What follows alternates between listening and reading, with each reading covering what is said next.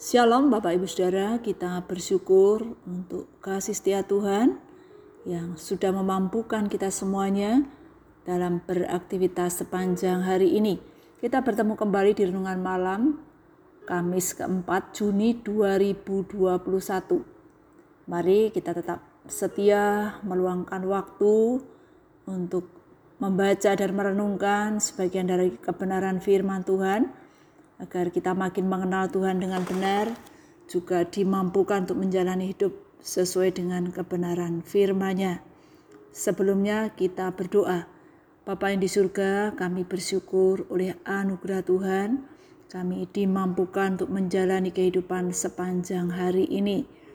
Banyak hal yang Tuhan izinkan untuk kami kerjakan di hari ini. Semuanya itu karena kasih dan kemurahan-Mu. Sebelum beristirahat, kami akan membaca dan merenungkan firman-Mu. Kami mohon hikmat-Mu Tuhan, membuat kami dapat memahami dengan benar, makin mengenal siapa Tuhan yang kami percaya, dan kami pun juga menjalani hidup ini sesuai dengan yang Tuhan mau kami jalani. Berbicaralah ya Tuhan, kami siap untuk mendengarnya. Dalam nama Tuhan Yesus kami berdoa. Amin. Kita akan merenungkan satu tema kemahakuasaan Allah. Sebelumnya mari kita memperhatikan dari Injil Markus pasal 1 ayat 21 hingga 28. Demikian bunyi firman Tuhan. Mereka tiba di Kapernaum setelah hari Sabat mulai. Yesus segera masuk ke dalam rumah ibadat dan mengajar. Mereka takjub mendengar pengajarannya sebab ia mengajar mereka sebagai orang yang berkuasa, tidak seperti ahli-ahli Taurat. Pada waktu itu di dalam rumah ibadat itu ada seorang yang kerasukan roh jahat. Orang itu berteriak, "Apa urusanmu dengan kami, hai Yesus orang Nazaret? Engkau datang hendak membinasakan kami. Aku tahu siapa engkau yang kudus dari Allah." Tetapi Yesus menghardiknya Katanya, diam, keluarlah daripadanya. Roh jahat itu menggoncang-goncang orang itu dan sambil menjerit dengan suara nyaring ia keluar daripadanya. Mereka semua takjub sehingga mereka memperbincangkannya. Katanya, apa ini? Suatu ajaran baru? Ia berkata-kata dengan kuasa. Roh-roh jahat pun diperintahnya dan mereka taat kepadanya. Lalu tersebarlah dengan cepat kabar tentang dia ke segala penjuru di seluruh Galilea. Setelah Yesus memanggil empat orang muridnya di Galilea, kemudian ia pergi ke, Par ke Kapernaum bersama dengan para murid pada hari Sabat ke rumah ibadat orang Yahudi dan mengajar orang banyak.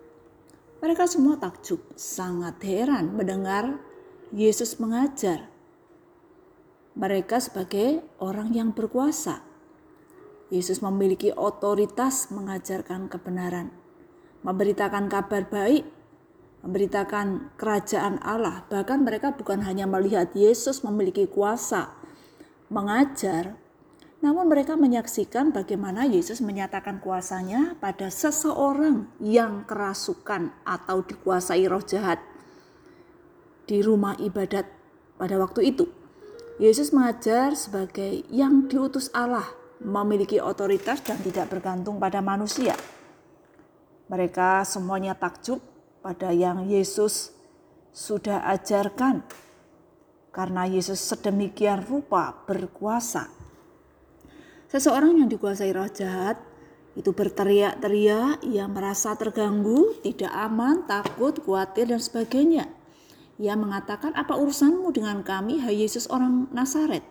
Engkau datang tidak membinasakan kami. Aku tahu siapa engkau yang kudus dari Allah. Setan mengetahui dengan benar siapa Yesus yang datang untuk menghancurkan, membinasakan yang jahat.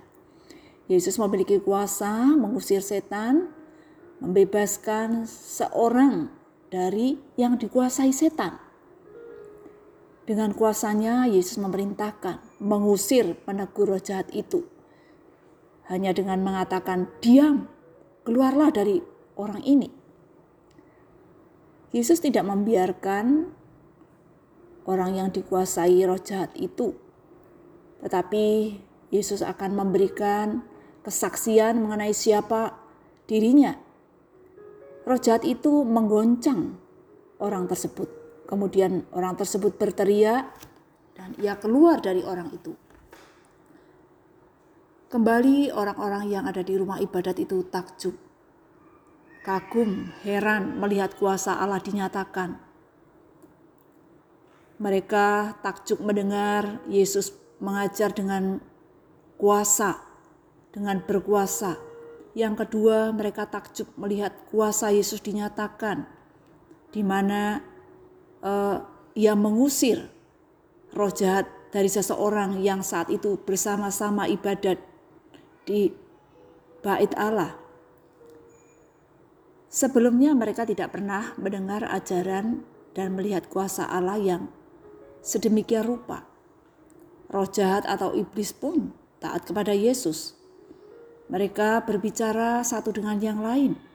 Mereka kagum dengan apa yang Yesus ajarkan dan lakukan saat itu.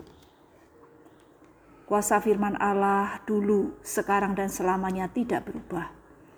Firman Allah menuntun kita berjalan melewati lembah yang kelam, menguatkan kita ketika lemah, menyadarkan dosa-dosa kita. Melalui firman Tuhan kita percaya karena kasihnya pada Yesus yang firman yang hidup itu. Yang menyelamatkan kita dari hukuman dosa dan senantiasa menuntun perjalanan hidup kita sampai selama-lamanya ketika kita mengetahui sedemikian rupa Allah kita. Masihkah kita meragukan Yesus yang berkuasa itu? Yesus yang berkuasa sepenuhnya atas hidup kita dalam hal apa pun dan dalam situasi apa pun. Kita berdoa. Bapa yang di surga kami bersyukur kembali diingatkan firman Tuhan Terima kasih kami memiliki Allah yang berkuasa. Melalui firman-Mu kami percaya bahwa oleh karena kuasa Tuhan kami dikuatkan. Dapat merasakan pertolongan Tuhan. Percaya bahwa apa pun yang Tuhan izinkan terjadi, itu membawa kami makin mengenal Tuhan yang berkuasa atas hidup kami itu. Tuhan yang berkuasa atas semua peristiwa yang terjadi di bumi ini. Bapa, kami menyerahkan hidup kami, selanjutnya istirahat kami dalam pertolongan Tuhan yang kuasanya sungguh nyata, dulu sekarang sampai selama-lamanya. Kami percaya dengan kasih-Mu esok kami dimampukan untuk menjalani hidup sesuai dengan rencana Tuhan. Terima kasih ya Tuhan. Dalam nama Tuhan Yesus, Allah kami yang hidup, kami bersyukur dan berdoa. Amin. Bapak Ibu sekalian, selamat malam, selamat beristirahat. Tuhan Yesus memberkati. Amin.